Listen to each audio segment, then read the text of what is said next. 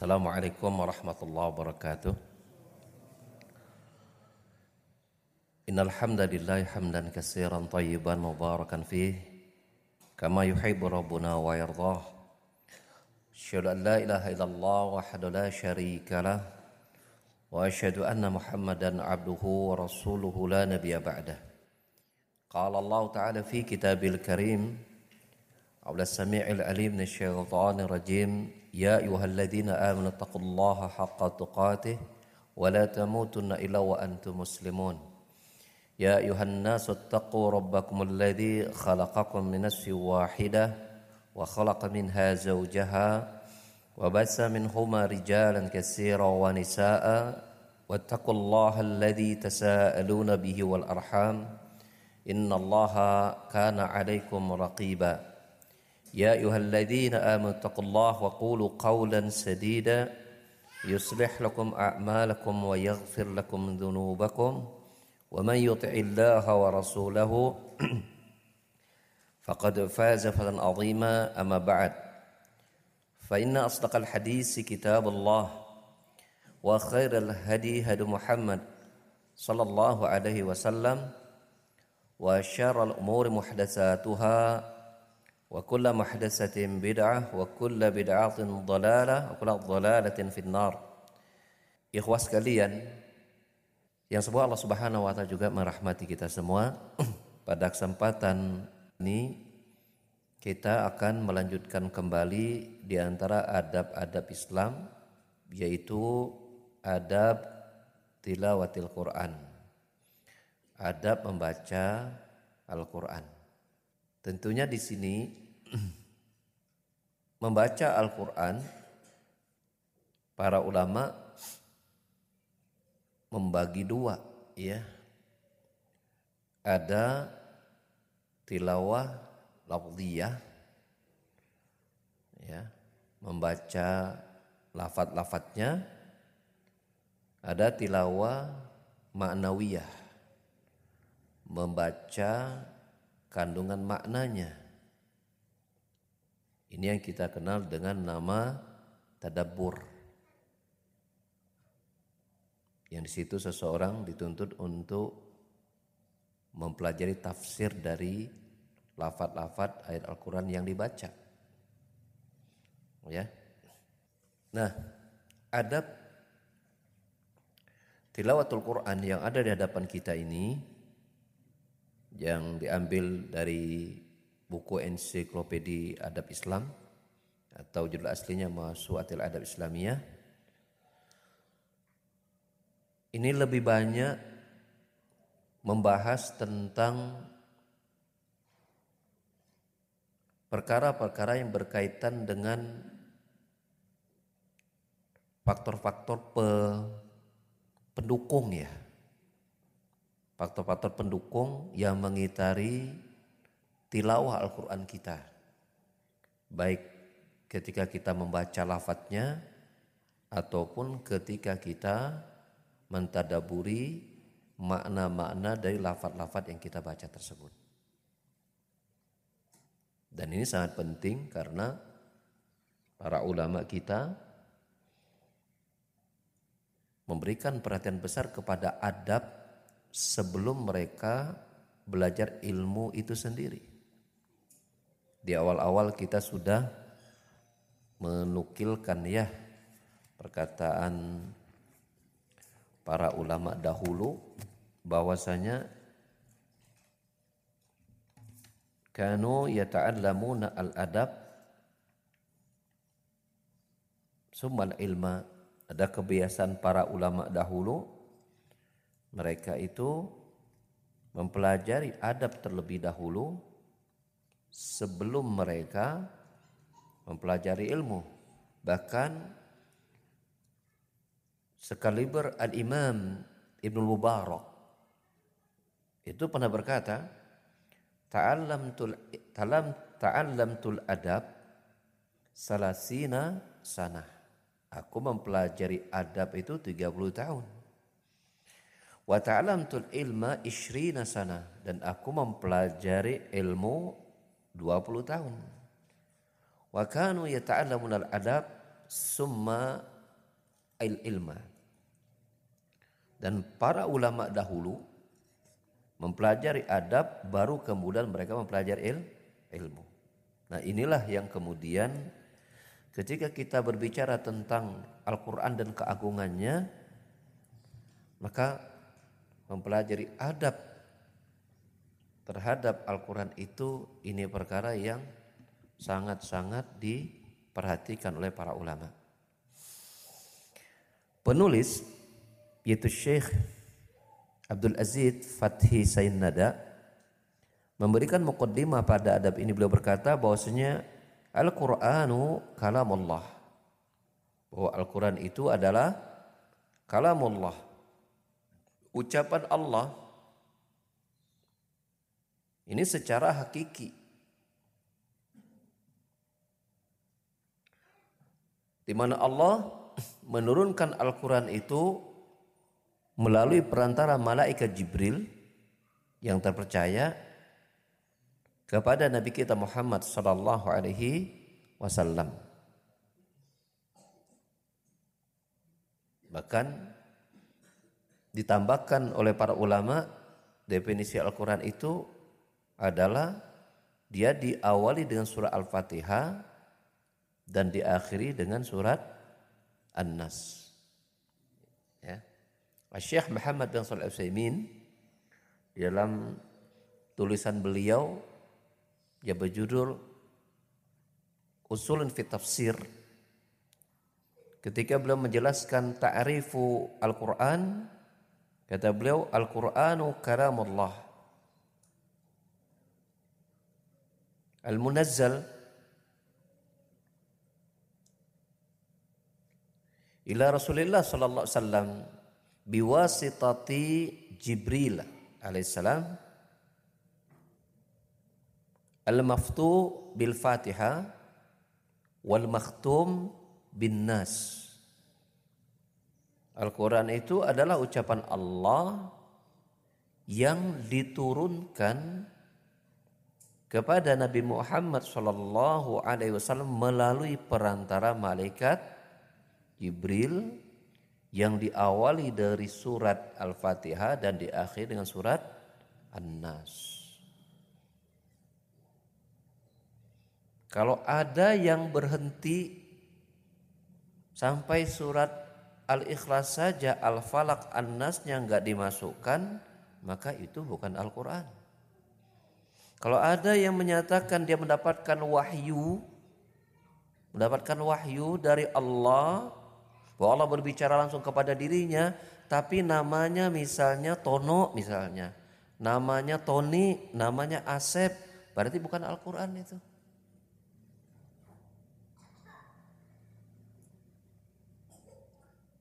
Ya apatah lagi kalau jelas-jelas yang menyampaikannya bukan malaikat Jibril. Ya. Nah, di sini penulis sedikit menekankan tentang bahwa Al-Quran itu kalam Allah. Apa itu kalam? Ucapan Allah. Di mana Allah Subhanahu wa taala berbicara ya melalui Al-Quran itu secara haki, hakiki. Betul-betul Allah berbicara. Bukan dengan kata-kata hati atau sebuah makna yang Allah ciptakan lalu dipahami oleh malaikat Jibril yang makna itu disampaikan kepada Nabi Muhammad. Inilah akidah ahli sunnah wal jamaah yang meyakini bahwasanya Al-Quran itu ucapan Allah di mana Allah berkata-kata secara hakiki berupa suara dan huruf. Ya, berupa suara yang terdengar dan mengandung susunan huruf kata yang bisa difahami. Itu yang kemudian didengar oleh malaikat Jibril, dipahami oleh malaikat Jibril, itu pula lah yang disampaikan oleh malaikat Jibril kepada Nabi kita Muhammad sallallahu alaihi wasallam. Sehingga Ketika kita berhadapan dengan Al-Quranul Karim berarti kita ini sedang berhadapan dengan ucapan siapa? Allah secara langsung. Tentang bahwasanya Al-Quran adalah kalam Allah itu disampaikan oleh Allah Subhanahu wa taala sendiri. Surat At-Taubah ayat yang ke-6 Allah berfirman, "Wa in ahadun minal musyrikin astajarak fa'ajirhu hatta yasma'a kalam Allah. Dan jika di antara kaum musyrikin itu ada yang meminta perlindungan kepadamu Muhammad, maksudnya Nabi kita SAW, maka berikan perlindungan kepada dirinya agar dia dapat mendengar kalam Allah. Ucapan Allah, firman Allah.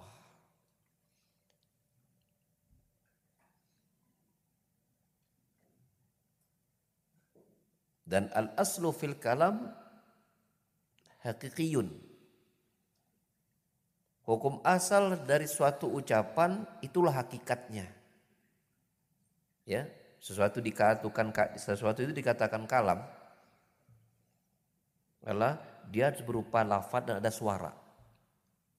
Makanya kita lihat definisi kalam yang kita eh, Misalnya dalam kitab Jurumiyah ya. Apa arti kalam di situ? Al-kalam wal lafdzul murakkabul mufidu bil bil bil wad'i.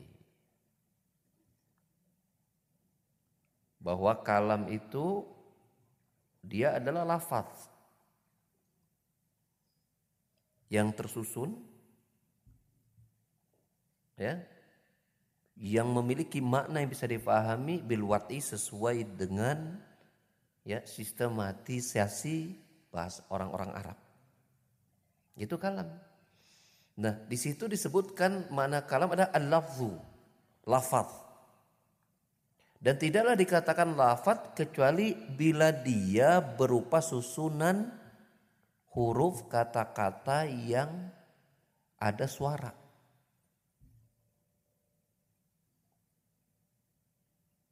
Maka demikianlah ketika Allah Subhanahu wa taala menyebutkan bahwasanya ya Al-Quran ini adalah kalamullah maka pahami oleh kita bahwa ketika Allah berfirman itu hakiki. Allah berbicara kepada malaikat Jibril. Allah berbicara kepada Nabi kita Muhammad SAW ketika Isra Mi'raj. Maka itu adalah pembicaraan yang hakiki hakiki ya terdengar suaranya dan difahami ucapannya oleh ya oleh malaikat Jibril dan oleh Nabi kita Muhammad Alaihi Wasallam. Faham? Arti kalam ya. Jadi dia bukanlah sebuah makna yang Allah ciptakan lalu dipahami makna tersebut oleh malaikat Jibril dan itu disampaikan pada kita Muhammad SAW bukan. Tapi betul-betul itu ucapan Allah lang langsung. Ini akidah, ini keyakinan. Agar jangan sampai seseorang menyangka bahwa Al-Quran itu adalah mak makhluk. Sesuatu yang berada di luar dari diri Allah. Ya, dia adalah ucapan Allah berarti itu merupakan bagian dari Allah. Nah di sini penulis memberikan stressing di awal dulu uh, dalam memukodimai adab dalam membaca Al-Qur'an. Al nah berikutnya beliau berkata, hakikatnya tilawatul Quran membaca Al-Quran itu adalah fardu ain wajib atas setiap muslim. Berdasarkan firman Allah Subhanahu wa taala di dalam surah Al-Muzammil Ayat yang ke-20, faqra'u ma tayassara minal Quran. Maka bacalah apa-apa yang mudah bagimu dari Al Al-Qur'an. Di sini Allah menggunakan redaksi dengan redaksi instruksi. Perintah. Dan hukum asal pada suatu instruksi dari Allah atau perintah ini hukum asalnya adalah wa, wajib. Sebagaimana perkataan para ulama ahli usul al aslu fil fil amri lil wujub. Asal suatu perintah itu hukumnya wa, wajib sampai ada dalil yang memalingkannya dari kewajiban. Mungkin itu berupa turun menjadi apa? sunnah yang dianjurkan begitu. Nah, karena di sini lafadznya adalah perintah, maka di sinilah kemudian diambil hukumnya bahwa membaca Al-Quran itu hukumnya wa, wajib. Berarti yang tidak baca Quran berdosa atau tidak? Berdosa. Ya, kebayang ya kalau Al-Quran itu awet, rapi, bersih, harum, wangi, tidak ada cacat karena dibukanya setahun sekali ya. Tersimpan rapi di rak buku, di ruang tamu gitu kan. Khawatir dia menanggung dosa karena tidak baca Al-Quran. Al-Quran. Oh mungkin dia sudah hafid Ustaz, nggak perlu mushaf. Ya Alhamdulillah ya bisa menghafal Quran langsung tidak membaca mus tidak melalui mus mushaf karena para sahabat dulu juga nggak ada mushafnya ya mushaf kan ada setelah Rasulullah wafat kan? Setelah banyak para sahabat wafat. Ya.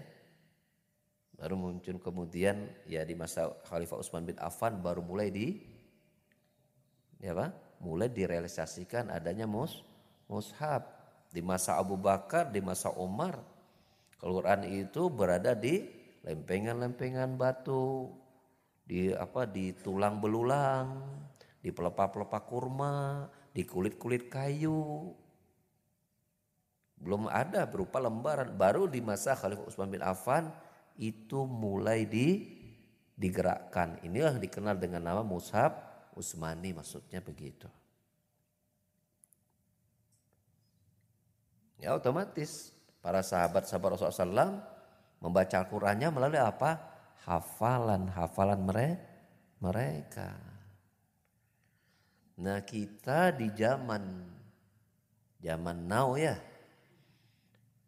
itu kan termasuk perkara yang sangat luar biasa bila ada kaum muslimin bisa hafal Al-Quran 30 juz.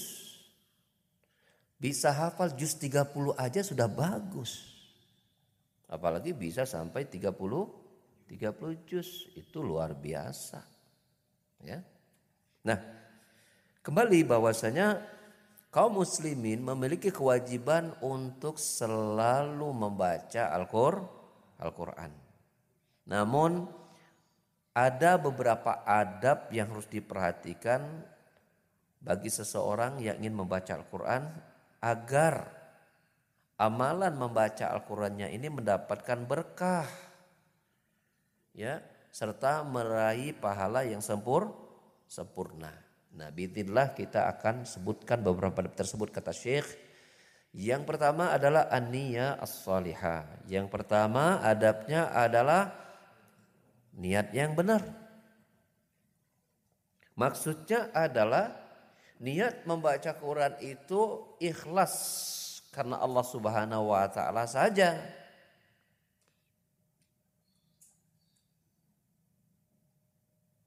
Dan seorang muslim sangat paham betul bila amalan yang dilakukannya bukan karena Allah, maka amalan itu pasti ditolak oleh Allah Subhanahu wa taala. Allah berfirman dalam surah Al-Bayyinah ayat 5, "Wa ma umiru illa liya'budullaha mukhlishina lahuddin hunafa." Padahal mereka hanya diperintah untuk menyembah Allah dengan ikhlas mentaati Allah semata-mata karena menjalankan agama. Maka ikhlas ini hukumnya wajib karena Allah perintahkan. Demikian pula sabda Rasulullah SAW menyatakan hal itu. Inna Ta'ala la yaqbalu minal amali illa ma kana lahu khalisan wa butughiya bihi wajhu sesungguhnya Allah taala tidak menerima suatu amalan perbuatan kecuali yang dilakukan dengan ikhlas dan semata-mata mengharapkan wajahnya Allah Subhanahu wa taala. Ya. Mengharapkan ridhonya Allah Subhanahu wa taala. Mengharapkan untuk memandang wajah Allah pada hari kiamat. Maka dari itu selayaknya seorang pembaca Al-Qur'an senantiasa mengikhlaskan niatnya karena Allah Subhanahu wa taala semata semata bukan karena ria ataupun sum'ah. Dia ingin meraih pahala dan balasan yang Allah janjikan bagi orang-orang yang membaca Al-Quran. Apa sih harapan pahala yang ingin dia raih ketika dia membaca Al-Quran? Maka ya Rasulullah Sallallahu Alaihi Wasallam menyebutkan di antara pahala membaca Quran adalah apa? Satu hurufnya bernilai sepuluh pahala. Hadis riwayat At-Tirmidzi ya menjelaskan sabda Rasulullah sallallahu tentang hal itu man qara'a harfan min kitabillah falahu bihi hasanah wal hasanatu bi asyri amsalihah La aqulu alif lam mim harfun walakin alifun harfun wa lamun harfun wa mimun harfun. Barang siapa membaca satu huruf dari kitab Allah maka baginya satu kebaikan. Dan setiap kebaikan itu akan dibalas dengan sepuluh kali lipatnya Aku tidak mengatakan alif lam mim satu huruf, akan tetapi alif satu huruf, lam satu huruf, dan mim satu huruf. Maka seseorang ketika membaca alif lam mim mendapatkan 30 kebaikan atau 30 pahala.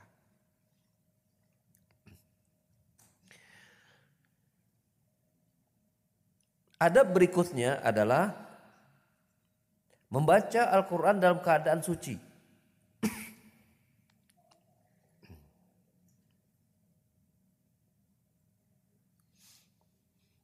Agar pahalanya menjadi lebih sempurna.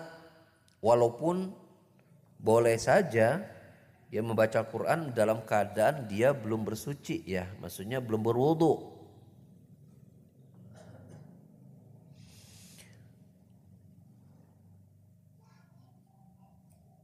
Terlebih ketika membacanya itu sambil menyentuh mushaf Al-Qur'an. Al-Qur'an. Di mana Rasul di mana Rasulullah sallallahu alaihi wasallam bersabda tentang hal itu, la yamassul Qur'ana illa tahir. Janganlah menyentuh Al-Qur'an itu kecuali dalam keadaan bersu, bersuci.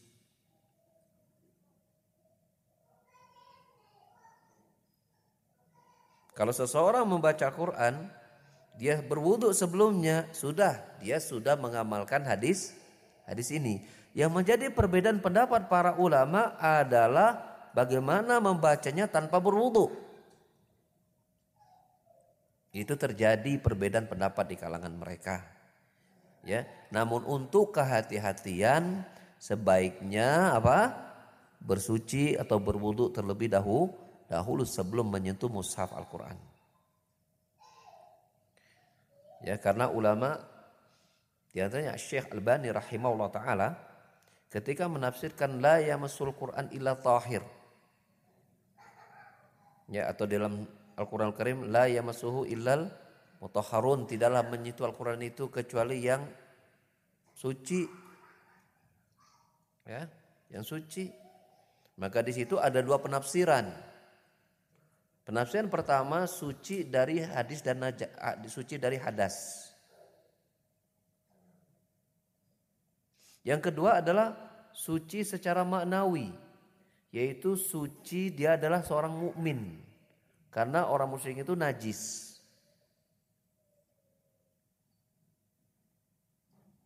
Innamal musyrikuna najasun. Orang musyrik itu najis.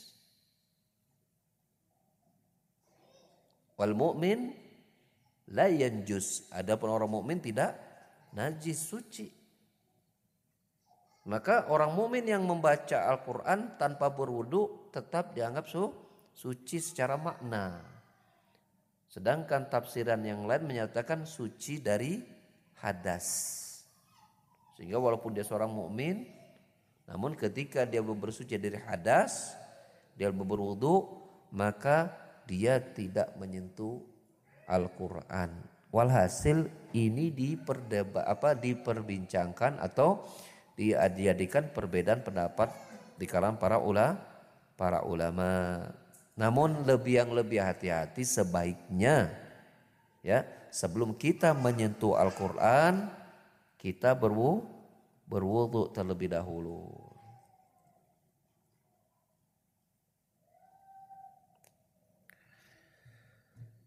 Yang ke berikutnya, kalau di buku yang kelima ya, di antara adab membaca Al-Quran adalah menghadap kiblat, istiqbalul kiblah.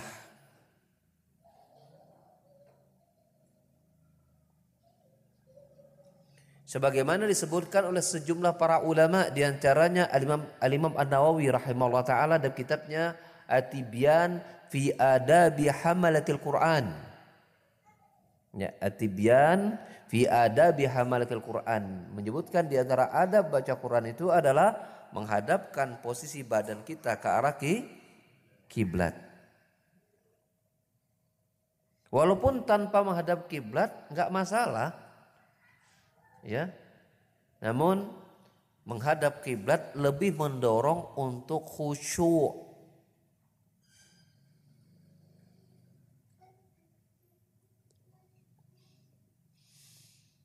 Pindah kita kepada adab berikutnya, yaitu membaca Al-Quran dengan duduk.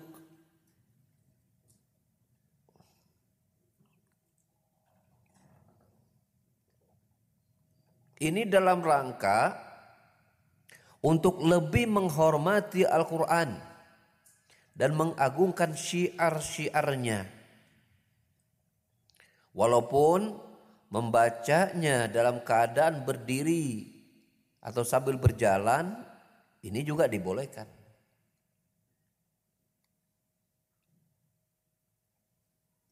Karena Allah menyebutkan membaca Al-Quran itu bagian dari zikir dan zikir itu Allah sebutkan alladzina yadhkurunallaha qiyaman wa qu'udan wa 'ala jambin. Ya mereka itu mengingat Allah dalam keadaan berdiri, berbaring, ya, berdiri, duduk dan berbaring. Nah berdasarkan ayat itu bolehlah seseorang itu juga membaca Al-Quran bahkan dalam keadaan apa? Tidur.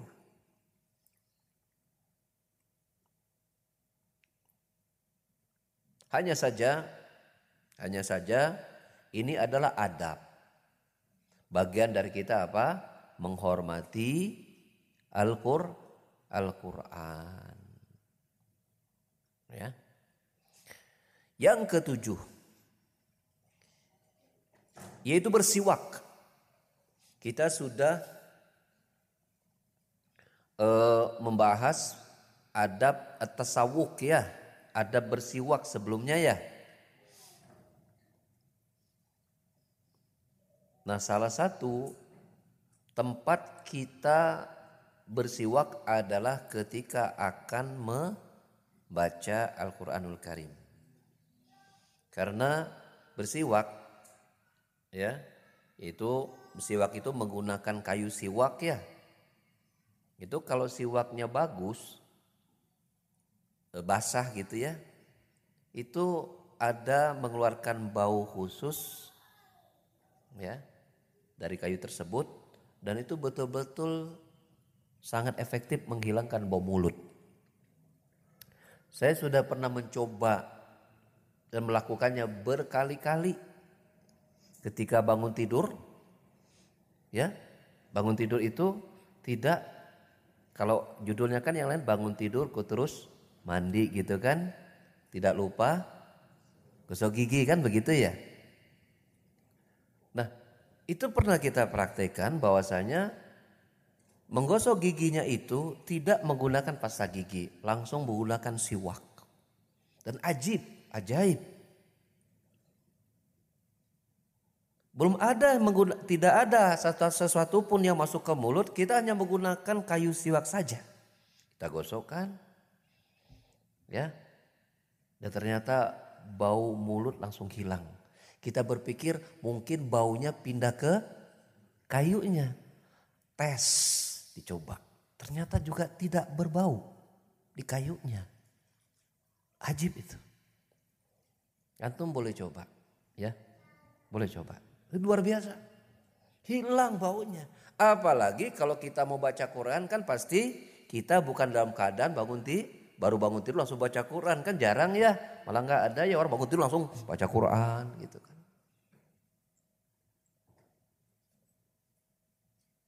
pasti akan lebih menghilangkan bau dan berganti menjadi ya harum mulut tersebut. Didasarkan pada sebuah hadis Nabi sallallahu alaihi wasallam, "Idza qama ahadukum yusalli minal lail falyastak." Fa inna ahadakum idza qara'a fi salatihi wada'a malakun fahu ala fihi la yakhruju min fi syai' illa dakhala famal malak. Jika salah seorang dari kalian melakukan salat malam, maka bersiwaklah. Sungguh, apabila salah seorang dari kalian membaca dalam salatnya, maka malaikat pun meletakkan mulutnya pada mulut orang tersebut.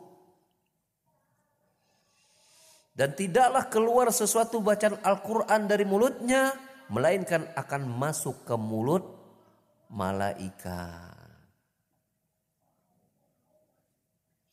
Ini merupakan keutamaan yang tinggi bagi sholat malam dan bagi bacaan Al-Quran di dalamnya. Maka sudah selayaknya seorang muslim menjaga perkara ini.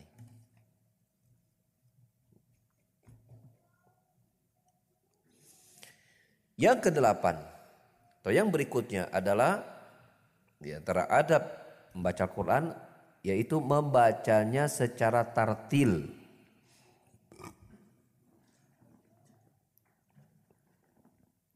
Apa sih arti tartil itu? Membaca secara tartil adalah membaca Al-Quran secara perlahan-lahan, tidak terburu-buru, membetulkan lafaz dan huruf-hurufnya serta menjaga hukum-hukum tilawah. Jadi kalau kita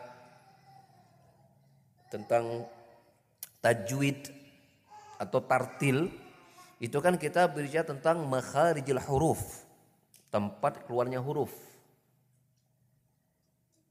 Kita bicara tentang sifat huruf.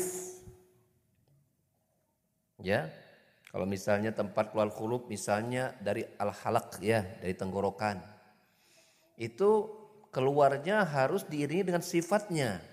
Apakah dia misalnya istilah gitu kan salah satu sifat huruf ya di mana lidah bagian belakang itu diangkat ke atas nempel ke langit-langit gitu ya.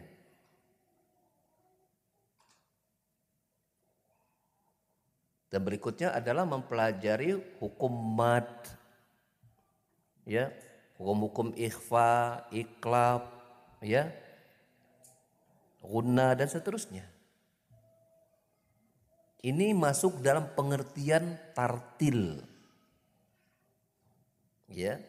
Ketika Allah memberitakan kepada kita untuk membaca Al-Quran secara tartil, waratil Qur'ana tartila. Surah Al-Muzammil ayat 4. Maka kita harus menghadirkan perkara-perkara tadi.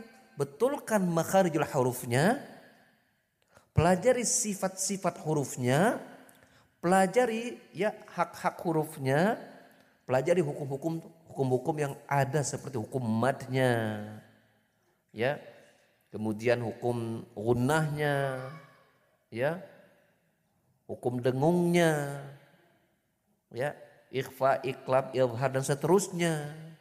Hadirkan itu. Maka oleh karena itu para jamaah sekalian, kita harus berusaha untuk apa?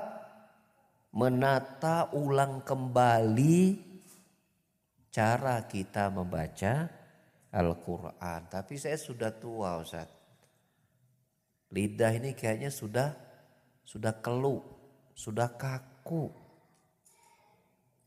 Ya. Menghafal sesuatu yang baru ya untuk merubah kebiasaan yang lama ini juga tidak mudah. Maka kita menjawab tidak mudah bukan berarti mustahil kan? Betul nggak? Berarti tidak ada istilah tidak belajar. Hanya saja mungkin sebagian orang ya mengambil waktu yang lebih cepat dari sebagian yang lah yang lain. Ya, kalau misalnya masih muda mungkin kalau dia belajar serius mungkin satu tahun beres. Enam bulan beres. Ya, sebagian yang lain yang mungkin umurnya sudah sudah masanya berumur ya. Rambutnya sudah berubah, pandangan matanya sudah berkurang, hafalannya komo gitu kan. Berat menghafal. Apakah kemudian dia tidak masuk dari upaya untuk memperbaiki bacaan Qurannya? Jawabannya tidak. Teruslah Anda mencoba ya. Walaupun nanti perubahan itu terjadi tidak secara cepat. Mungkin sampai wafat gak bisa-bisa, gak masalah. Dan saya yakin gak mungkin gak ada perubahan. Hanya saja perubahannya mungkin berbeda-beda. Ada yang 100% akhirnya betul-betul menjadi mahir. Ada yang mungkin 70, ada yang 50, ada yang 30. Gak masalah. Allah menilai usaha kita untuk berubah dan perbaiki dan menjalankan ayat ini waratil Qur'ana tartila. Bacalah Quran itu secara tartil. Pelajari makhluk hurufnya, pelajari hak-haknya, mustahaknya kan begitu. Ya. Tidak ada alasan kita tidak belajar.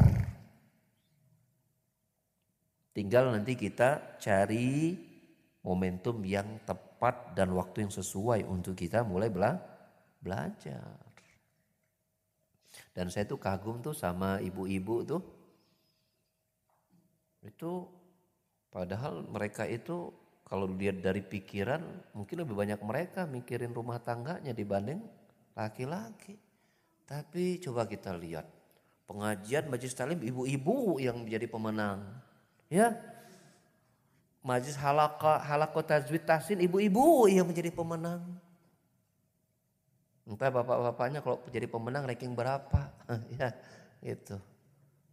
Mungkin ranking satu ya dari belakang.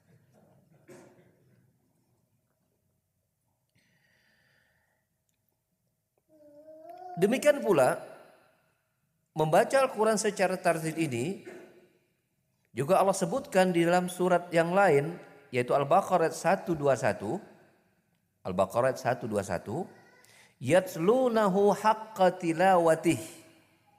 Mereka membacanya sebagaimana mestinya. Haqqa tilawati ini membaca dengan memberikan hak pada bacaannya maknanya adalah apa? Menjaga hukum-hukum baca bacaan dan tilawahnya, membetulkan pengucapan lafaz maupun huruf-hurufnya, menghalalkan apa yang dihalalkan dari aspek hukumnya dan mengharamkan apa yang diharamkan dari Al-Quran dari aspek hukumnya serta mengikuti dan mengamalkan apa yang terkandung di dalam bacaan Al-Quran tersebut. Semua itu termasuk membaca Quran dengan memberikan hak yang sebenarnya.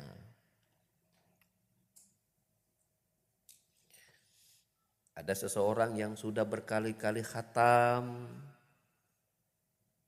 tapi tidak tahu apa yang dibaca. Sambil salah makhraj dan tilawahnya, tahsinnya, tajwidnya. Tapi khatam berkali-kali. Ada enggak orang seperti itu? Ada, mungkin kita ya. Tiap Ramadan kan hatam terus tuh. Sambil tidak tahu yang dibaca maknanya apa. Sambil e, dan cara membacanya sah, salah gitu. Mungkin ini yang paling banyak ya. Menghatam akal Quran tapi tidak paham apa dibaca dan salah dalam cara membaca. Ada lagi yang betul dalam cara membacanya sudah pinter. Tapi Al-Qurannya tidak dibaca-baca. Ini juga keliru. Ada lagi yang betul dalam cara membacanya. Hukum tajwid jadi fahami dan khatam sudah berkali-kali. Tapi tak mau kemudian apa? Mempelajari kandungan apa yang dibaca. Jangan jauh-jauh deh. Kalau mau jujur, ada satu surat dari Al-Quranul Karim yang sudah dibaca ribuan kali oleh kaum muslimin seluruh dunia. Tapi berapa banyak mereka tidak memahami isi kandungan surat yang dibaca itu. Surat apa cing? Hah? Al-Fatihah. Coba kita jujur aja nih di antara kita yang hadir di sini. Kita sudah bacanya pasti sudah sering kan? Jujur saja, siapa di antara kita yang hadir di sini yang sudah menamatkan membaca tafsir surah Al-Fatihah? Kalau mau jujur. Sudah pernah? Walaupun terjemah gitu. Nggak usahlah baca kitab aslinya, data bisa. Carilah buku terjemah, tafsir surah Al-Fatihah. Carilah yang paling tipis kalau perlu. Mari kita jujur kepada diri kita. Siapa di antara kita, di antara kita yang sudah pernah apalagi berkali-kali menamatkan membaca tafsir surat Al-Fatihah?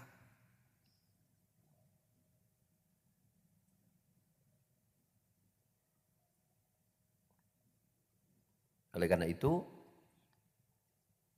sangat sedih kita menyaksikan kondisi umat Islam pada hari ini Bila kita bandingkan dahulu dengan apa? Kehidupan para sahabat Rasulullah sallallahu wasallam. Mereka itu ya tidak pernah menambah 10 ayat yang telah Rasulullah sallallahu alaihi berikan dan ajar pada mereka kecuali kalau mereka sudah apa? mempelajari maknanya faham maknanya dan sudah diamalkan. Baru mereka menambah lagi 10 ayat. Lah kita Al-Fatihah itu 7 ayat, belum 10, kurang 3. 7 ayat yang kita baca mungkin sudah ribuan kali. Tak pernah terbetik dalam hati kita untuk apa? Tahu apa isi sebenarnya surat yang kita baca.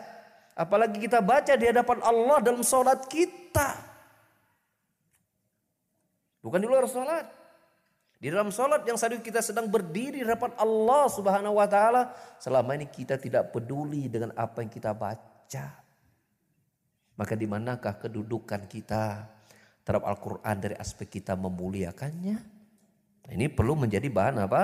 Bahan introspeksi, bahan evaluasi kita ya terhadap ya e, sikap kita terhadap Al-Qur'anul Karim.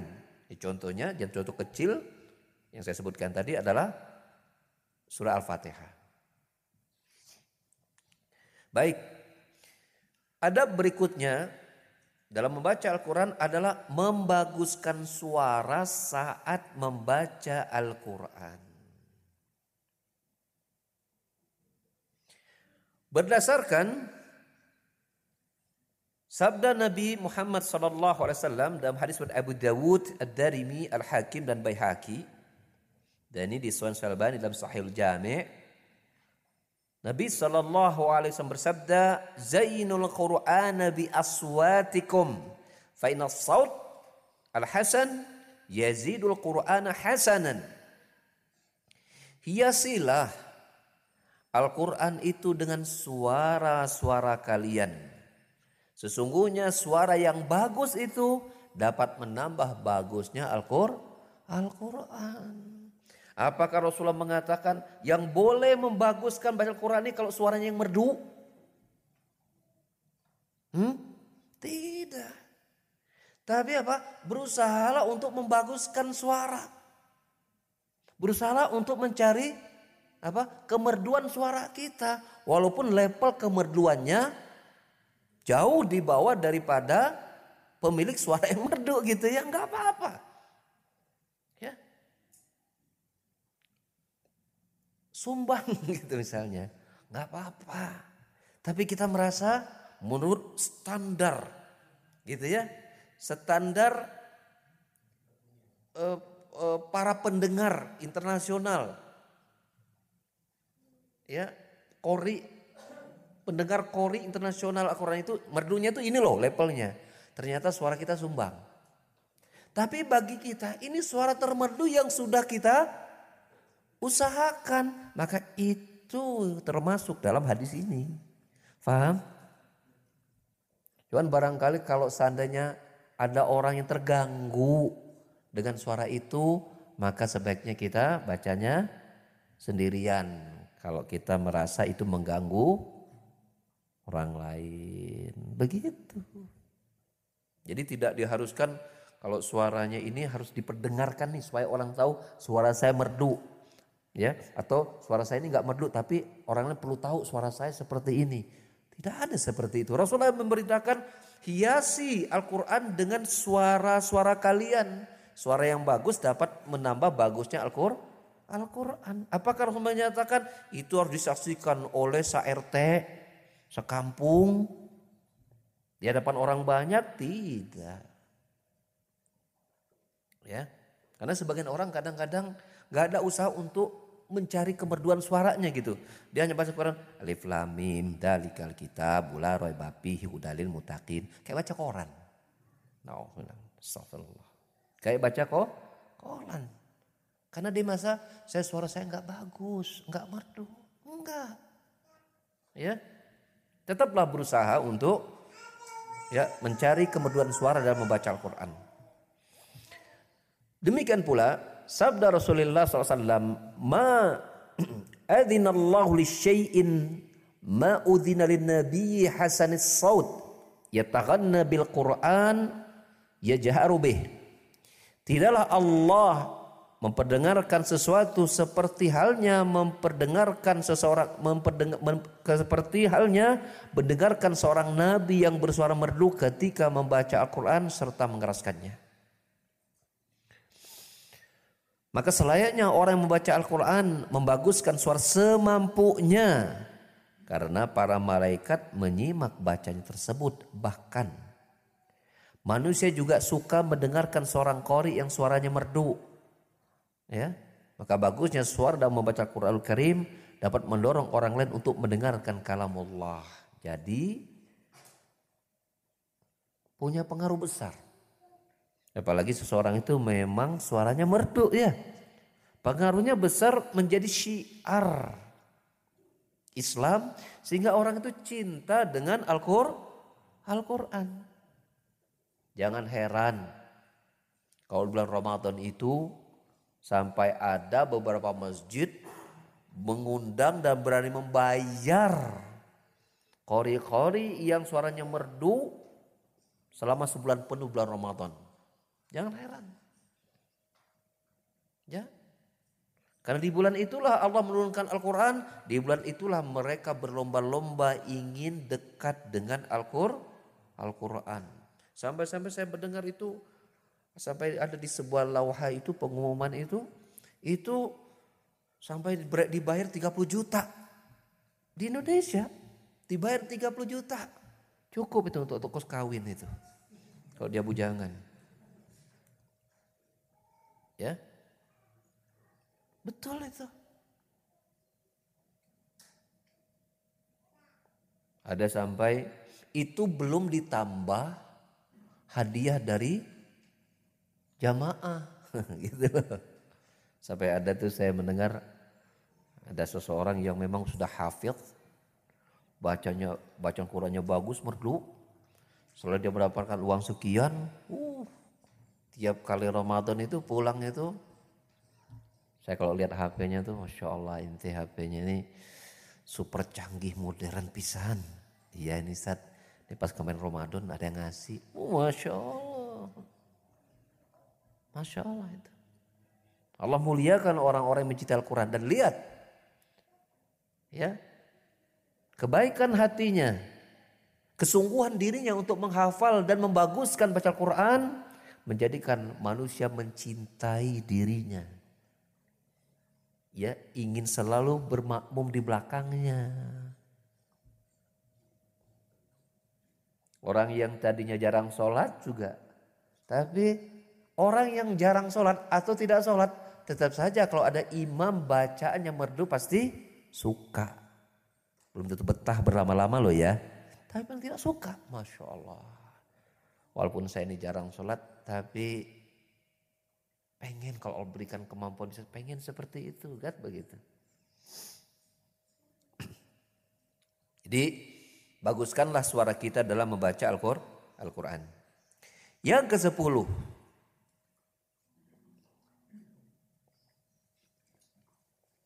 Menampakkan rasa sedih dan khusyuk. Menampakkan rasa sedih dan khusyuk. Saya dulu sempat bertanya-tanya ya sebelum menemukan hadis-hadis yang seperti ini.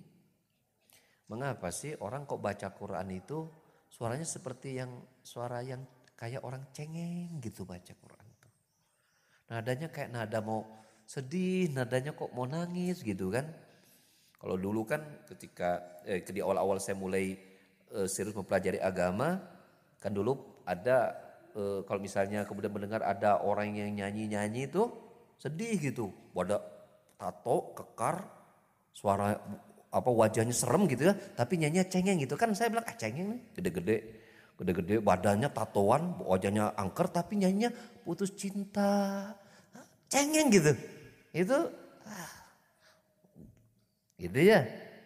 Tapi kenapa pas kenal agama, mendengar orang baca Quran gitu ya, kok gitu ya, Kan ketika kita mulai cinta Islam kan kita mulai gak suka tuh ada hal yang berbau apa ya tidak menggambarkan kekokohan, kegagahan, kekuatan, ke macam-macam begitu kan. Ketika ada orang yang nyanyi badannya kuat segala macam tapi kok senangnya lagu sedih gitu kan. Kok cengeng gitu kan. Kita memang ah, kok gak matching sih gitu ya. Tapi ketika mendengar Al-Quran kok juga dibacanya sedih ada apa itu. Nah sedikit bertanya-tanya. Ya dikit dua dikit lah. Dan ternyata ya ternyata ini ada dasarnya dari hadis Rasulullah sallallahu alaihi wasallam di mana beliau bersabda ahsanun nasi qira'atan alladhi idza qara. Ra'aita annahu yakhshallaha.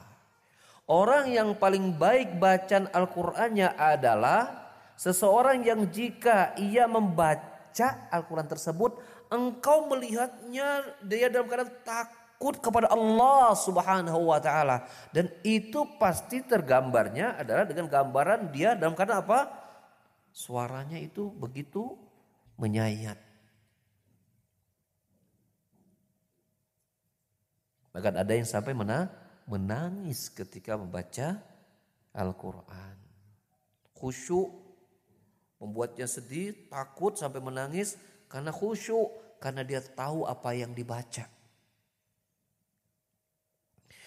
Ada yang mengatakan bahwasanya menampakkan kesedihan inilah maksud dari sabda Nabi sallallahu alaihi wasallam, "Laisa minna man lam yataqana bil Qur'ana yajharu bihi." Bukan termasuk dalam golongan kami orang yang tidak ya membaca Al-Quran dengan suara yang baik Maksudnya membacakan dengan suara yang baik yaitu yang tidak menampakkan kesedihannya. Oleh karena itu pada adab yang berikutnya bahkan ditambahkan di antara adab membaca Quran adalah apa? Menangis atau menampakkan seolah-olah menangis. Yaitu apa? Berusaha untuk menangis. Kan orang kalau misalnya menangis atau berusaha untuk menangis tidak mungkin gambarannya dia sedang bergembira Bergembira berarti dalam keadaan sedang bersedih. Allah Subhanahu wa taala berfirman tentang hal ini.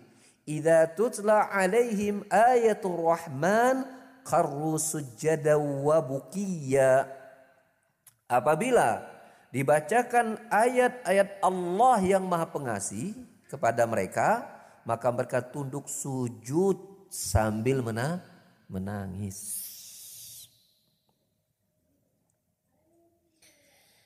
Surat Maryam ayat 58 Demikian pula sabda sabda demikian pula firman Allah Subhanahu wa taala yang lain. Dalam surah Al-Isra ayat 107 sampai 109 Allah berfirman, "Innal ladzina utul ilma min qabli idza yutla alaihim yakhiruna lil azqan sujada wa yaqulun subhana rabbina in kana wa'du rabbina la maf'ula." Lil. Sesungguhnya orang yang telah diberikan ilmu sebelumnya apabila Al-Qur'an dibacakan kepada mereka, mereka menyungkurkan wajah bersujud dan mereka berkata Subhana rabbina Masuci Rob kami Sungguh janji Rob kami pasti dipenuhi dan mereka menyungkurkan wajah sambil menangis dan mereka bertambah khusyuk. Ini hebatnya. Ya. Para sahabat Rasulullah SAW. Ya tentu sahabat yang terbaik adalah Abu Bakar As-Siddiq. Antum barangkali pernah membaca detik-detik wafatnya Rasulullah SAW yang sebelum meninggalnya Rasulullah menderita sakit yang luar biasa. Yang sakitnya itu membawanya untuk sulit menjadi imam sholat di hadapan para sahabatnya. Diusulkanlah menjadi imam adalah Abu Bakar As-Siddiq. Maka Aisyah mengatakan jangan. Abu Bakar tidak akan bisa membaca Quran. Dia pasti pingsan. Bayangkan seperti itu. Sikap para sahabat ketika membaca Al-Quran. Saking hatinya mereka berikut takut kepada Allah Subhanahu wa taala, ya, tunduk ketika Al-Quran itu mereka baca dan mereka dengar. Tidakkah kita lihat Allah mensifati Al-Quran sesuatu yang luar biasa, ya? Lau anzalna hadzal Qur'ana ala jabalin la ra'aitahu khashian mutasaddian min ish min khasyatillah wa tilkal amsalu nadribuha linnasi la'allahum yatafakkarun. Kalau seandainya Al-Quran ini kami turunkan kepada apa? Gunung. La ra'aitahu khasyian mutasaddi' min khasyatillah. Maka engkau akan dapat apa? Gunung itu akan apa? Hancur bercerai-berai tunduk dan hancur tercerai berai. Mengapa itu terjadi? Min khasyatillah. Karena saking takutnya mereka kepada Allah. Tapi manusia hatinya lebih keras daripada gunung, daripada batu. Tak pernah tersentuh ketika Al-Quran dibaca. Tak pernah sedih apalagi menangis ketika Al-Quran itu didengarkan dan dibaca oleh mereka. Padahal Sifat Al-Quran itu sendiri sebagai Allah sebutkan ayat yang kita baca tadi dia sesuatu yang luar biasa. Maka anda bisa bayangkan orang yang imannya kuat hatinya ya begitu tunduk dan takut kepada Allah kemudian dia berhadapan dengan ucapan Allah maka jangan heran ya mereka itu mudah merasakan ketakutan dan mudah menangis dan bahkan bersungku, bersungku, tersungkur dan bersujud kepada Allah ketika baca Al-Quran. Jangan heran. Yang kita herankan diri kita, kenapa nggak bisa-bisa? Ya, tapi beginilah dengan izin Allah Subhanahu Wa Taala kita berdoa semoga Allah jadikan hati kita ini hati yang betul-betul menikmati Al-Quranul Karim. Allah hadirkan kekuatan iman kita untuk bisa bersedih, ya bahkan menangis ketika baca Al-Quran. Terlebih ketika itu kita lakukan sendirian. Masya Allah. Mata yang menangis. Karena takut kepada Allah, dia adalah mata yang tidak akan disentuh oleh api neraka. Ya, berdasarkan sabda Rasulullah SAW. Ainani la tamassuhuman naru. Ada dua mata yang tidak akan disentuh oleh api neraka. Yang pertama, ainun bakat min khasyatillah. Yang kedua, mata yang menangis karena takut kepada Allah. Yang kedua, uh, ainun tahrusufi, ainun ainun batat tahrusu fi sabilillah. Yang kedua, mata yang terjaga, yang selalu melek karena berada di pos-pos penjagaan dalam perang fisabilillah. Ya, di pos penjagaan, mata itu harus selalu terbuka. Capek apa tidak? Capek luar biasa. Tapi inilah mata yang Allah yang api neraka akan menyentuh mata tersebut. Mata yang menangis karena Allah dan kita tahu Rasulullah SAW dalam hadis Bukhari menyebutkan satu di antara tujuh golongan manusia yang akan mendapatkan perlindungan Allah yang tidak ada perlindungan pada hari itu kecuali perlindungan Allah adalah apa? Seseorang yang mengingat Allah ya lalu kemudian kedua air kedua matanya meneteskan airnya. Rajulun Zakarallah khalian fafadat aina. Itu seseorang yang mengingat Allah dalam keadaan tersembunyi, menyendiri, yang dengan itu ya meneteslah kedua air matanya. Kenapa? Karena hadir rasa takutnya kepada Allah Subhanahu wa taala. Nah, begitulah seseorang yang kemudian dia baca Quran dalam keadaan dia khusyuk, dia tahu apa yang dibaca, apalagi diikuti dengan suara yang merdu, hadir hatinya di situ, Kemudian dia menangis dan tidak ada manusia yang mengetahuinya dia sedang menangis. Itulah apa? Tangisan yang nanti akan sangat-sangat menguntungkan pada hari di mana harta dan anak tidak bermanfaat kecuali orang yang datang kepada dengan hati yang bersih.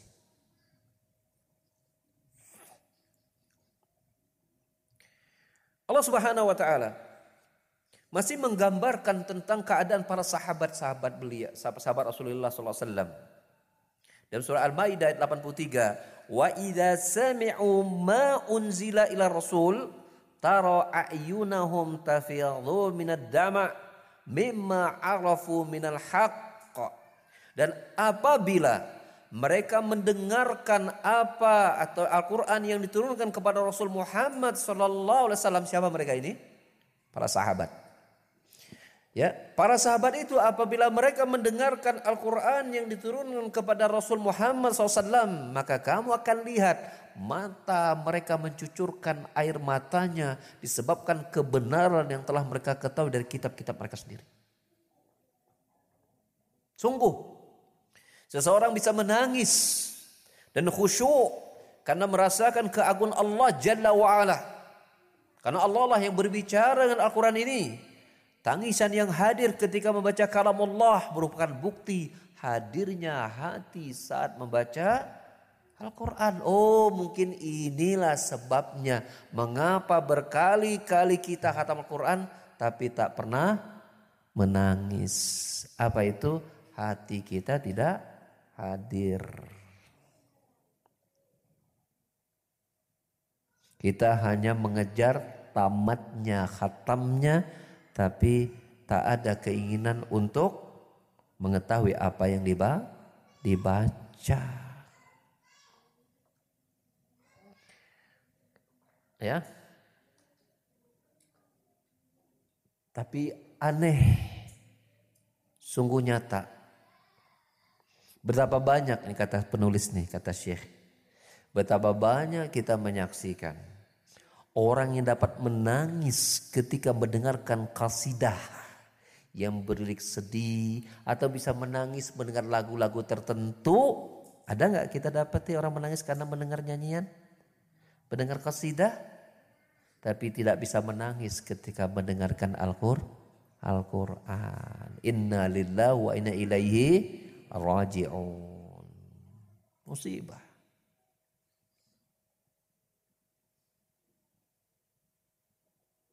Musibah.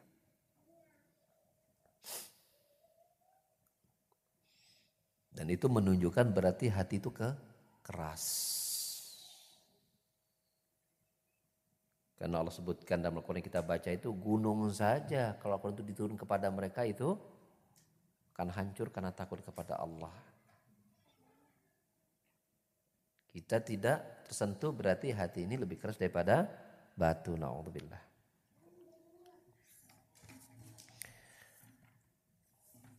Masih kuat ini? Masih kuat. Ini adabnya masih banyak ini. Yang baru kita baca baru setengahnya. Baru poin yang ke-11. Ini totalnya dari buku ini ada 24 ya. Ya kita baca satu lagi biar pas setengah. Ya, dari sisi angka. Adab yang terakhir dari kajian kita hari ini ya. Dari adab baca Quran adalah tadabbur menghayati, tafakkur merenungi maknanya. Dan ini merupakan adab yang paling agung dan paling wajib bagi siapa pun yang membaca Al-Quran. Bagi seorang kari atau seorang yang membaca Al-Quran, dia tidak akan dapat mengambil faidah apa pun dari apa yang dia baca tanpa tada tadabbur Mari kita lihat. Allah mencela orang yang tidak mentadaburi Al-Quran yang dia baca. Surat Muhammad ayat yang ke-24 Allah berfirman, "Afala yatadabbaruna al-Qur'ana am 'ala qulubin aqfaluha?"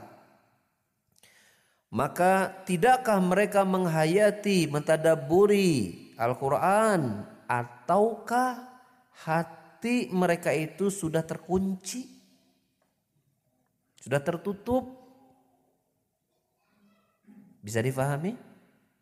Hukuman atau keadaan hati orang yang tidak mentadaburi Al-Quran adalah apa? Hati yang dikunci mati oleh Allah Subhanahu wa taala. Wa ta'ala. Kenapa? Karena Al-Quran itu Allah sudah sifatkan dia apa? Hudan lil mut Mutakin menjadi petunjuk bagi orang yang bertakwa. Maka bila kemudian Al-Quran itu dibaca tapi tidak difahami maknanya, maka bagaimana Al-Quran itu menjadi petun, petunjuk bagaimana Al-Quran itu bisa menjadi pedoman hidup, bagaimana Al-Quran itu bisa menjadi pembimbing ke arah kehidupan yang lebih baik, bagaimana Al-Quran itu bisa menjadi peningkat keimanan, bagaimana Al-Quran itu bisa menjadi penguat istiqomah. Nilai-nilai itu akan hilang bila Al-Quran tidak ditadaburi, tidak dipelajari, tidak ditafakuri akan hilang.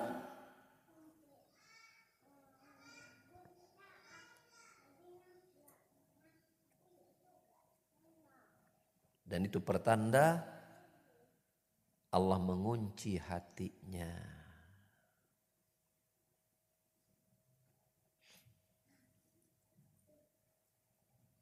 Dan ini masuk dalam pengaduan Rasulullah sallallahu alaihi wasallam. Ya, Rasulullah pernah mengadu kepada Allah wa qala rasul inna kaum ittakhadhu hadzal qur'ana mahjura. Rasulullah pernah mengadu kepada Allah Inna qaumi sesungguhnya kaumku telah menjadikan Al-Quran sebagai sesuatu yang dia tinggalkan. Siapa kaum di sini? Umat beliau Muhammad sallallahu alaihi wasallam.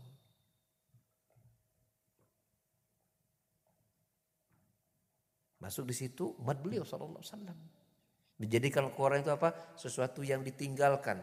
Bisa bentuknya mereka tidak baca sama sekali, bisa bentuknya mereka membaca tapi tidak ditadaburi dan dipelajari kandungan maknanya. Dia hanya menjadi seolah-olah apa? Bacaan tanpa memiliki faidah sebagai petunjuk. Maka para jamaah sekalian hati-hati dengan diri kita. Bila selama ini kita telah berkali-kali menghat menghatamkan Al-Quran. Tapi kemudian tak ada satu bagian, bagian dari Al-Quran yang membuat kita meningkat rasa takutnya kepada Allah. Hati-hati kita yang kita sudah sering membuka Al-Quran. Tapi kemudian tiap apa yang dibaca ya tidak berujung kepada bertambahnya iman hati-hati. Karena jangan-jangan badannya di hadapan di hadapan badannya adalah Quran, di hadapan matanya bacaan Quran, ya. Apa yang dia gerakkan Al-Quran, tapi hatinya ke tempat terbang entah ke mana hati-hati. Apalagi itu sudah menjadi kebiasaannya. Ya, tiap kali baca Al-Quran selalu begitu cara sikap hatinya terhadap Al-Quran hati-hati. Ya. Kita ini sedang berhadapan ancaman dari Allah Subhanahu wa taala. Afala yatadabbaruna al-Qur'ana am qulubin aqfaluha? Mengapa mereka tidak mentadaburi Al-Quran ataukah hati-hati mereka itu ada penutupnya, dikunci hatinya? Tidakkah kita takut Allah mengunci hati kita, menutup hati kita karena apa? Karena tidak ada usaha kita untuk mentadaburi, mentafakuri apa yang kita baca. Makanya saya sering ingatkan kepada diri saya dan kepada siapa pun ikhwan sekalian. Kita ini udah ribuan kali baca Al-Fatihah dalam sholat-sholat kita.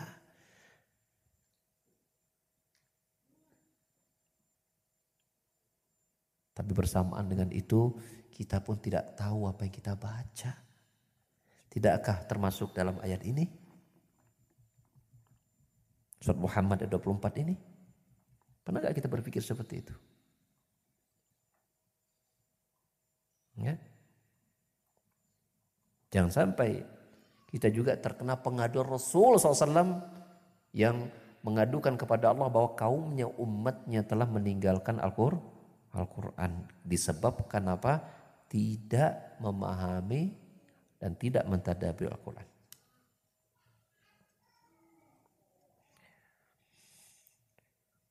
Berusahalah untuk memikirkan kalam Allah Al-Quran.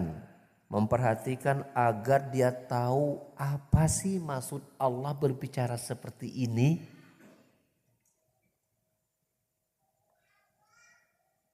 Dan dengan itu bila dia tahu bila dia tahu maksud Allah berkata seperti ini dan seperti itu, maka di situlah dia akan bisa memetik faidah dari Al-Quran yang dia baca secara sempur, sempurna. Ya mungkin nggak usah barangkali ya belum dulu membuka buku tafsir, cobalah paling tidak ketika Al-Quran dibaca plus artinya gitu kan. Nih Quran ini artinya ini sambil direnungi gitu kan. Nah kalau mulai melihat kayaknya ini sulit difahami coba buka tafsir. Maksudnya apa ayat ini?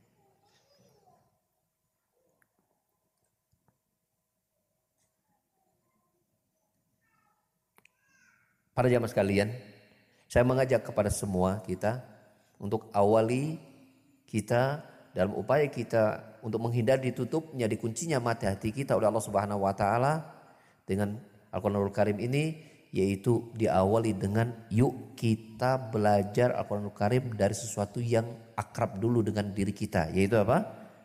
Surat Al-Fatihah. Ya, surat Kul huwallahu ahad, Al-Falaq, An-Nas. Pelajari kandungan maknanya. Jadi ketika kita baca itu ya min syarri ma khalaq qul a'udzu bi qul a'udzu bi rabbin nas malikin nas ilahin nas min syarri wasikhan nas alladzi fi sudurihim min jinnati wan nas udah tergambar sama kita tuh nih Allah menginginkan kita begini loh Qul huwallahu ahad Allahus samad lam yalid wa lam yulad wa lam yakul kufuwan ahad Allah maunya kita begini loh Qul a'udzu bi rabbil falaq min syarri ma khalaq. Seterusnya. Allah ingin kita begini loh. Ya pelajari. Yang dengan usaha Yang seperti ini kita berharap Allah Subhanahu wa taala memberikan petunjuk betul-betul kepada kita dari apa yang kita baca dalam Al-Qur'anul Karim dan menjauhkan kita dari menutup pintu hati kita ya dari kebenaran. Allah alam bisawab ya kajian kita cukupkan dulu ya, sampai poin yang ke-12. Insya Allah sisanya akan kita bahas pada waktu yang akan datang. Ya barangkali kalau ada yang ingin bertanya kita persilahkan.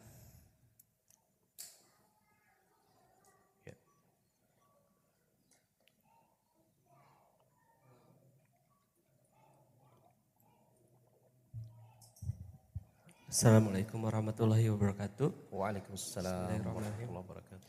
Uh, Jazakallah khair atas uh, ilmunya Pak Ustadz. Jazakallah khair. Banyak banget PR-nya. Insyaallah. Semakin belajar semakin banyak PR-nya. Pertanyaan pertama adalah tadi dibahas oleh Pak Ustadz bahwa hukum membaca Al-Quran adalah fardu ain sesuai dengan uh, firman Allah di surat Al-Muzammil ayat 20. Ya. Bagaimana hukum menghafal Al-Quran Pak Ustadz? Menghafal Al-Quran itu apakah sama dengan uh, membaca Al-Quran itu juga fardu ain? Seperti itu. Yang kedua adalah uh, apa hukumnya kalau kita membaca mushaf di HP? Apakah HP juga termasuk mushaf? Karena sekarang generasi milenium banyaknya kita nggak bawa-bawa Al-Quran, banyaknya membawa HP aja yang ada Al-Qurannya. Padahal kemarin sempat dengar juga kan kalau HP kita bawa juga ke kamar mandi dan sebagainya. Itu mungkin Pak Ustadz. Assalamualaikum warahmatullahi wabarakatuh. Waalaikumsalam warahmatullahi wabarakatuh. Ya baik. Tentang bahwasanya kita membaca Al-Quran menjadi hukum yang wajib ya berdasarkan firman Allah tadi kan surat Muzammil tadi ya faqra'u ma tayassara Al-Quran. Jadi e, bacalah Al-Quran dengan suatu yang mudah ya bagi untuk membacanya. Ini lafaznya iqra'u artinya bacalah. Adapun menghafal apakah juga dihukumi sama Allahu alam bisawab ya. Allah alam bisawab ya. Buktinya kita tidak kita lihat bahwasanya tidak semua para sahabat itu penghafal Al-Quran. Kalau seandainya itu wajib mereka hafal 30 juz, tentu semua para sahabat itu hafal Al-Quran. Ya seperti itu. Jadi itu sudah cukup menjadikan bukti bahwa ini tidak ada, tidak masuk menjadi hukum kewajiban fardu fardu ain bagi tiap kita. Ya. Tapi itu di fardu kifayah harus ada yang menghafal Quran. Ya, harus ada melakukan jadi fardu kifayah. Yang kedua, tentang Al-Quran yang ada di HP. Apakah itu termasuk uh, hukumnya sama dengan mushaf begitu ya? Kalau dikatakan sama secara total ya tentu tidak. Karena kalau mushaf itu isinya murni Al-Quran saja. Kalau HP kan campur-campur. Ada Al-Quran, ada segala macam. Cuma persoalannya adalah Ketika itu ada ada ada Al-Qur'an di situ. HP-nya bagaimana hukumnya kita membawa HP yang ada Al-Qur'an itu bisa ke dalam WC dan segala macam. Ya. Allahu a'lam bisawab ya tentang hal itu. Ya, sejauh yang saya ingat ada fatwa dari eh, Lajnah Daima ini eh, apalagi dikhawatirkan kalau HP-nya simpan di luar itu akan hilang di tempat umum maka ini boleh dibawa masuk ke dalam. Ya. Namun bila tempatnya aman gitu kan, misalnya di rumah, ya kita berusaha lah untuk tidak membawa HP itu ke tempat-tempat yang seperti itu. Jadi untuk kehati-hatian. Dan fatwa lajnah daimah itu itu fatwa lajnah daimah itu itu apa, mengambilkan contoh adalah mushaf Al-Quran. Bagaimana hukum membawa mushaf Al-Quran, bukan HP loh. Mushaf Al-Quran ke dalam toilet yang seperti itu. Nah fatwa mereka muncul Hasilnya seperti itu. Jadi kalau memang dikhawatirkan ini akan hilang atau apa segala macam dan tidak ada solusi kecuali di bawah, maka itu menjadi sesuatu yang harus dilakukan. Ya. Namun ke tempat yang aman sebaiknya simpan di simpan di luar. Allah alam bisawab. Dan saya sarankan juga bahwasanya ketika kita eh, memiliki HP dalam menyala Al-Quran, maka cobalah juga kita me, me, memuliakan ya, menyimpan tempat-tempat yang layak lah ya seperti itu secara umum seperti itu. Allah a'lam Ustadz, ada pertanyaan dari pendengar radio Ustadz. Dari Umu Anggi di Selat Jauh. Assalamualaikum warahmatullahi wabarakatuh. Waalaikumsalam warahmatullahi wabarakatuh. Pak Ustadz, apakah diperbolehkan membuka mushaf Al-Quran dengan jari telunjuk yang sebelumnya dibasahi kepada lidah, ke, dibasahi ke lidah? Syukran jazakallah khair. Dibasah. Oh, apakah hukum bisa membuka lembar Quran dengan cara menempelkan tangan ke lidah supaya bisa ini ya? Oh, apakah termasuk menghinakan Al-Quran atau tidak gitu ya? Allahu a'lam ya. Kalau memang hanya itu satu-satunya cara untuk membuka Al-Quran, maka sesuatu yang jadi ada ada kaidah begini Ma la yutimul wajib ila bihi fahuwa wajibun. Apa-apa yang suatu kewajiban itu tidak terlaksana kecuali dengan itu, maka yang itu tuh juga menjadi hukumnya wa, wajib.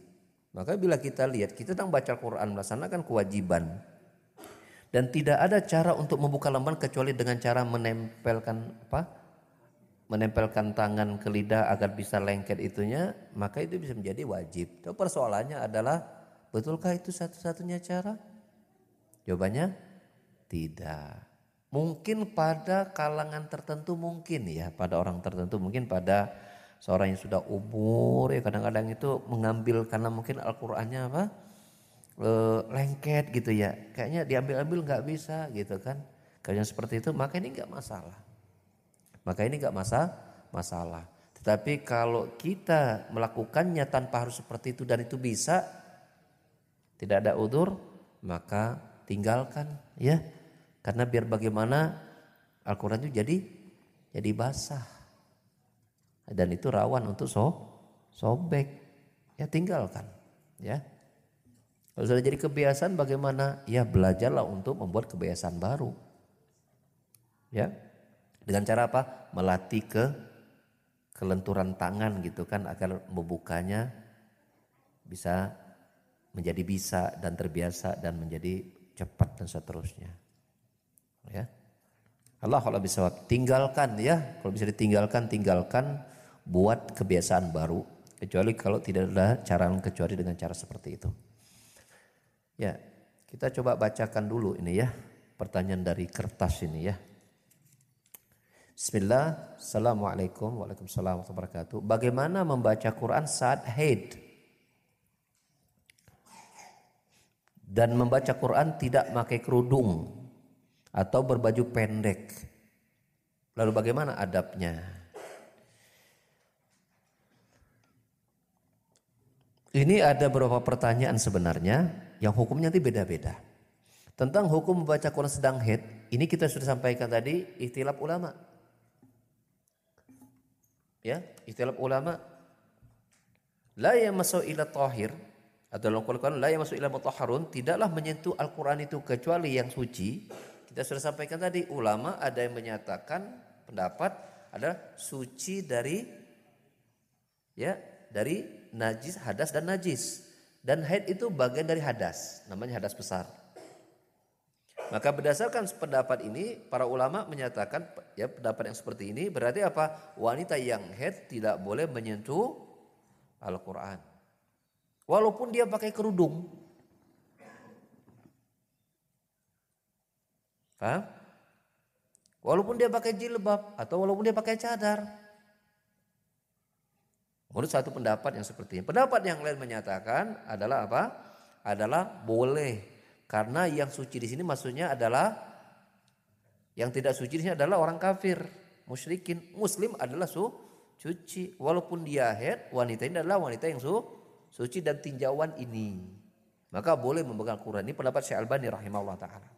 Apalagi seseorang yang dikhawatirkan dia memiliki hafalan, hafalnya lupa kalau nggak sampai buka Quran. Adapun Syekh Muhammad Sallallahu dalam soal jawab, ya, dalam soal jawabnya dari buku yang saya miliki, itu menyatakan bahwasanya dan kecondong kepada untuk untuk berhati-hati sebaiknya apa tidak menyentuhnya dan kalaupun menyentuh pakai apa pakai alas tidak secara lang langsung. Karena makna yamusu, masun itu adalah artinya adalah apa? Menyentuh secara lang, langsung. Maka dia pakai ya pakai alas, pakai apa gitu kan untuk tidak memegangnya secara lang, langsung. Dan ini pendapat yang lebih hati-hati saya kira ya dari yang saya pahami sebaiknya tidak menyentuh langsung keluar dari ikhtilaf itu lebih baik. Masih ada susu lain untuk tak baca Quran tanpa harus menyentuhnya, maka itu yang diambil itu jauh lebih baik. Walaupun dia pakai jil jilbab, beda ya. Nah sekarang bagaimana? Dia tidak head, tapi ketika membaca Qurannya nggak pakai kerudung atau berbaju pendek. Sebaliknya saya bertanya, bagaimana hukumnya bapak-bapak baca Quran tidak pakai baju koko, tidak pakai baju sholat, pakai baju kaos.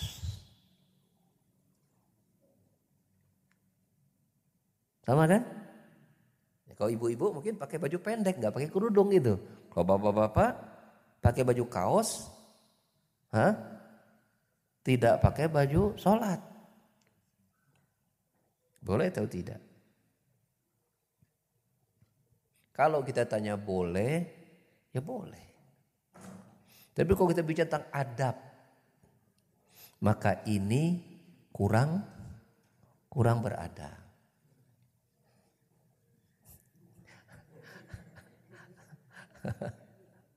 Nah, kurang lebih begitu jawabannya. Maka pilih yang mana? Pilih yang kurang atau pilih yang penuh? Maka beradablah kita Ya, ketika kita berat Al-Quran, kita berusaha untuk memuliakan diri kita dengan Al-Quran. Pertanyaan berikutnya, kertasnya satu lembar tapi tiga pertanyaan. Masya Allah. Bismillah, semoga Allah menjaga Ustaz selalu, amin dan juga untuk kita semua ya. Insya Allah semoga Allah menjaga kita dunia dan akhirat. Pertanyaannya, apakah boleh mempelajari sirah Nabawi dengan mendengarkan audio dan mencocokkan dengan kitab sirah yang lain atau apakah boleh membaca sendiri? Boleh semuanya. Ya. Ada misalnya rekaman tentang sirah Nabawiyah kita dengarkan, boleh. Ya. Atau ada orang lain membacakannya langsung kepada kita, kita sewa khusus untuk kamu saya sewa ya setahun khusus untuk menghatamkan bacaan sirah nabawiyah kepada saya. Boleh. Ya, nggak masalah. Ya, nggak masalah. Apakah boleh kita membaca sendiri? Oh, lebih boleh lagi. Ya. nggak masalah insyaallah taala. Mungkin kan sebagian kita ini punya radio ya di rumahnya. Kemudian ada ustadznya membaca membahas khusus tentang sirah nabawiyah, nggak masalah. Ya, Kemudian Ustadz itu membahasnya kita pegang bukunya. Kita bandingkan ada buku siro yang lain. Selama bukunya itu ditulis dan diterjemahkan oleh seseorang yang terpercaya manhajnya. Karena ada buku-buku sejarah yang ditulis oleh orang-orang yang sudah secara akidah mendiskreditkan sahabat. Maka dalam dalam mereka menjelaskan perjalanan hidup Nabi SAW, di situ akan terlihat sikap-sikap peng, pencelaan penghinaan kepada para sahabat. Maka buku seperti ini tidak boleh dibaca. Ini tidak boleh dibaca oleh karena itu ketika ingin baca sendiri buku siro harus tanya-tanya ini bukunya pantas atau tidak untuk dibaca Walaupun isinya tentang sirah nabawiyah, ingat. Di sana kita dapati ada pemahaman yang mencela para sahabat itu kalau pemahaman si Syiah Rafidah. Orang-orang yang merendahkan bahkan mengkafirkan para sahabat tentulah otomatis ketika mereka menceritakan perjalanan Nabi yang di situ Nabi pasti berinteraksi dengan sahabat maka akan ada unsur-unsur pelecehan dan penghinaan kepada para sahabat Nabi Shallallahu Alaihi Wasallam. Bahkan di sana bisa ada unsur apa? Distorsi. Menyelewengkan kisah perjalanan yang sebenarnya dari kisah yang yang ada. Bisa seperti itu. Maka ya kalau kita ingin baca sendiri, carilah buku siro yang aman. Berapa buku siro yang aman? Contohnya apa? Siro Ibnu Hisham. Contohnya Ar-Rahikul Maktum. Sirah Nabawiyah karena Syekh Muhammad Sulaiman At-Tamimi. Itu bagus-bagus. Ya, Syekh Al-Bani juga menulis sirah tentang Nabawiyah, menulis faedah sirah Nabawiyah. Banyak. Dan kalau seandainya kitab-kitab tersebut diterjemahkan, pilih penterjemah dan penerbit yang juga terpercaya. Terpercaya. Ini kitabnya kitab bagus, penulisnya bagus, tapi penerbitnya punya pemahaman yang buruk tentang sahabat. Maka kita khawatir ada distorsi di situ. Dalam penterjemahan dan penerbitannya. Maka mau tidak mau kita yang masih sangat awam tentang perjalanan Nabi yang sebenarnya berdasarkan riwayat-riwayat yang sahih itu harus banyak tanya sana, banyak tanya sih sini. Terutama tanyalah kepada ustadz yang kita belajar, yang kita percayai ustadz tersebut bisa membantu kita menilai mana buku yang cocok untuk kita pilih dari buku Sirah Nabawiyah. Yaitu pertanyaan yang pertama, pertanyaan pertama dan jawabannya. Pertanyaan yang kedua, apakah boleh kita para ulama yang boleh kita para ulama yang boleh membacanya secara sendiri logika? Apakah boleh kita para ulama yang boleh membacanya secara sendiri Lalu jika ada yang tidak mengerti tanyakan kepada ustadz, boleh. Ya, boleh. Dan uh, saya mendapatkan uh, berita dari seorang ustadz yang belajar di Yaman. Yang belajar di Yaman. Itu di saat, di saat hidupnya dulu Syekh Mukbil bin Hadi al-Wadi'i. Itu ada syekh dari Mesir uh, yang pertama uh, Al-Ma'ribi itu uh, siapa namanya? Abdul Hasan Al-Ma'ribi. Beliau ini kalau belajar sama Syekh Mukbil itu bukan duduk kemudian mendengar pelajaran Syekh Mukbil bukan. Belajarnya adalah apa? Itu mubahasa. Beliau baca buku-buku yang ada, menemukan kesulitan. Nah, dia bertemu dengan Syekh Mukbil hanya untuk diskusi. Ada sesuatu yang dia bingung, ada yang dibaca, didiskusikan. Belajarnya begitu caranya. Dia belajar kepada saya mukbilnya.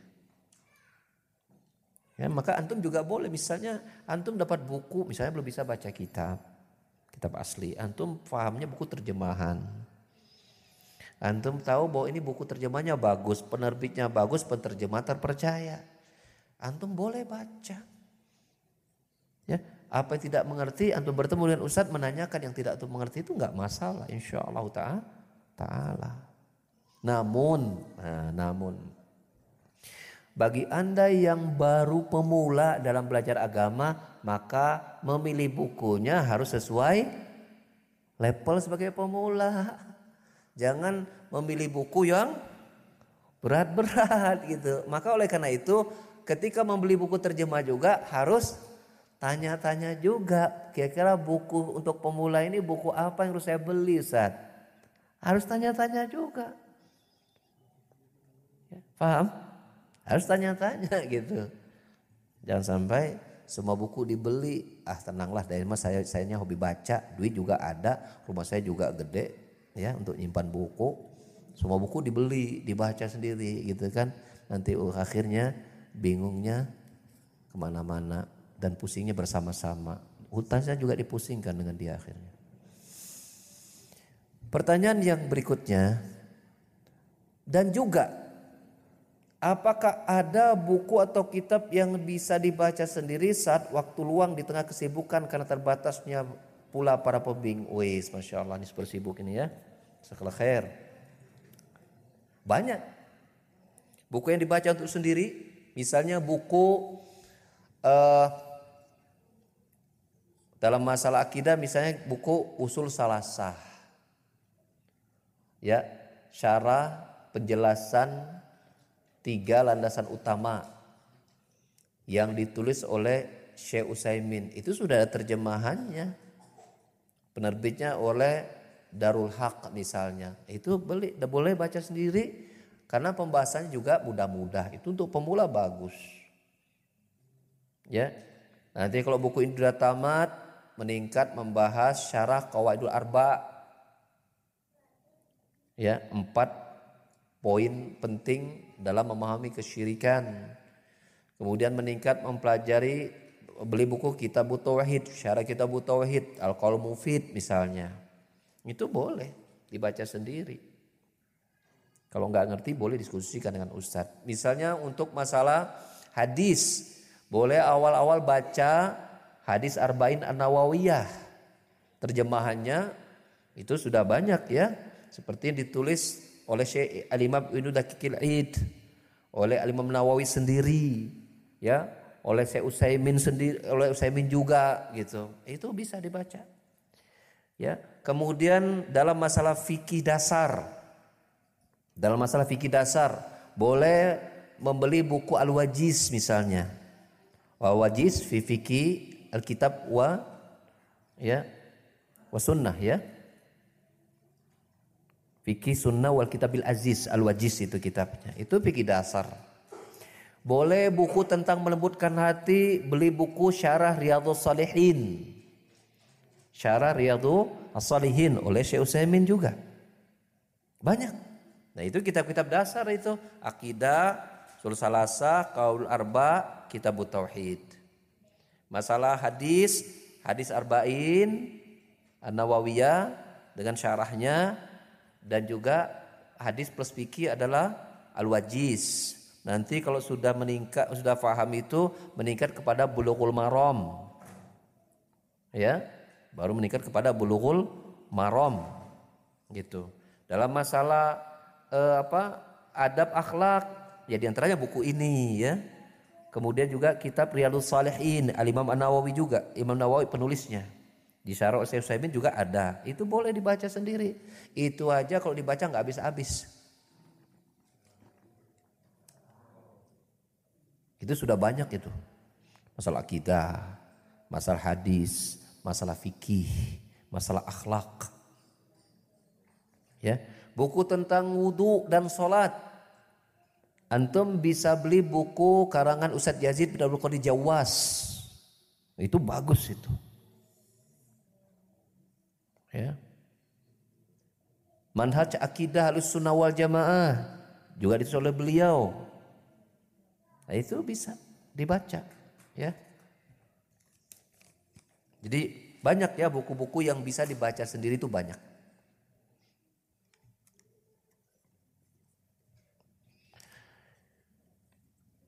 Pertanyaan yang lain? Bismillah. Saat bagaimana cara membaca Quran surat Ali Imran ayat 190 hingga 200 saat bangun tidur? Apakah harus bersiwak dulu Lalu bagaimana jika tidak sempat karena sholat subuh terlebih dahulu apa boleh setelah sholat? Allah a'lam bisawab ya. Ya sebaiknya juga bangun tidur ya bersiwak dulu ya. Bersiwak dulu ya baru kemudian membaca surat Ali Ali Imran. Dan lebih bagus lagi bila ini dimasukkan dalam bagian bacaan bagian dari sholat ma, sholat malam. Ya seperti ini. Ini hadisnya sahih. Ini hadisnya so, sahih dan sudah kita bahas sudah kita bahas dulu ya tentang uh, qiyamulail. Ya, tentang sholat malam. Bagaimana kalau tidak sempat baca karena keburu sholat subuh apakah boleh baca setelah sholat? Allah alam bisawab ya.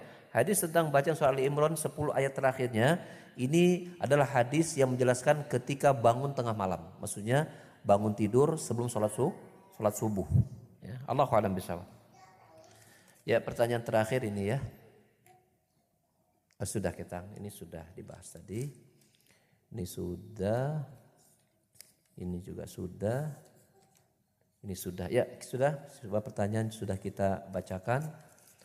Ya, dan kita akhiri kajian kita pada hari ini. Semoga Allah berikan berkah ya kepada uh, ilmu yang kita pelajari ya pada waktu, tenaga, pikiran yang sudah kita keluarkan semoga itu menjadi amal yang Allah terima amin Allahumma amin Subhanakallahumma bihamdika asyhadu an la ilaha anta astaghfiruka wa atubu. Akhiru da'wana alhamdulillah bil alamin. Assalamualaikum warahmatullahi wabarakatuh.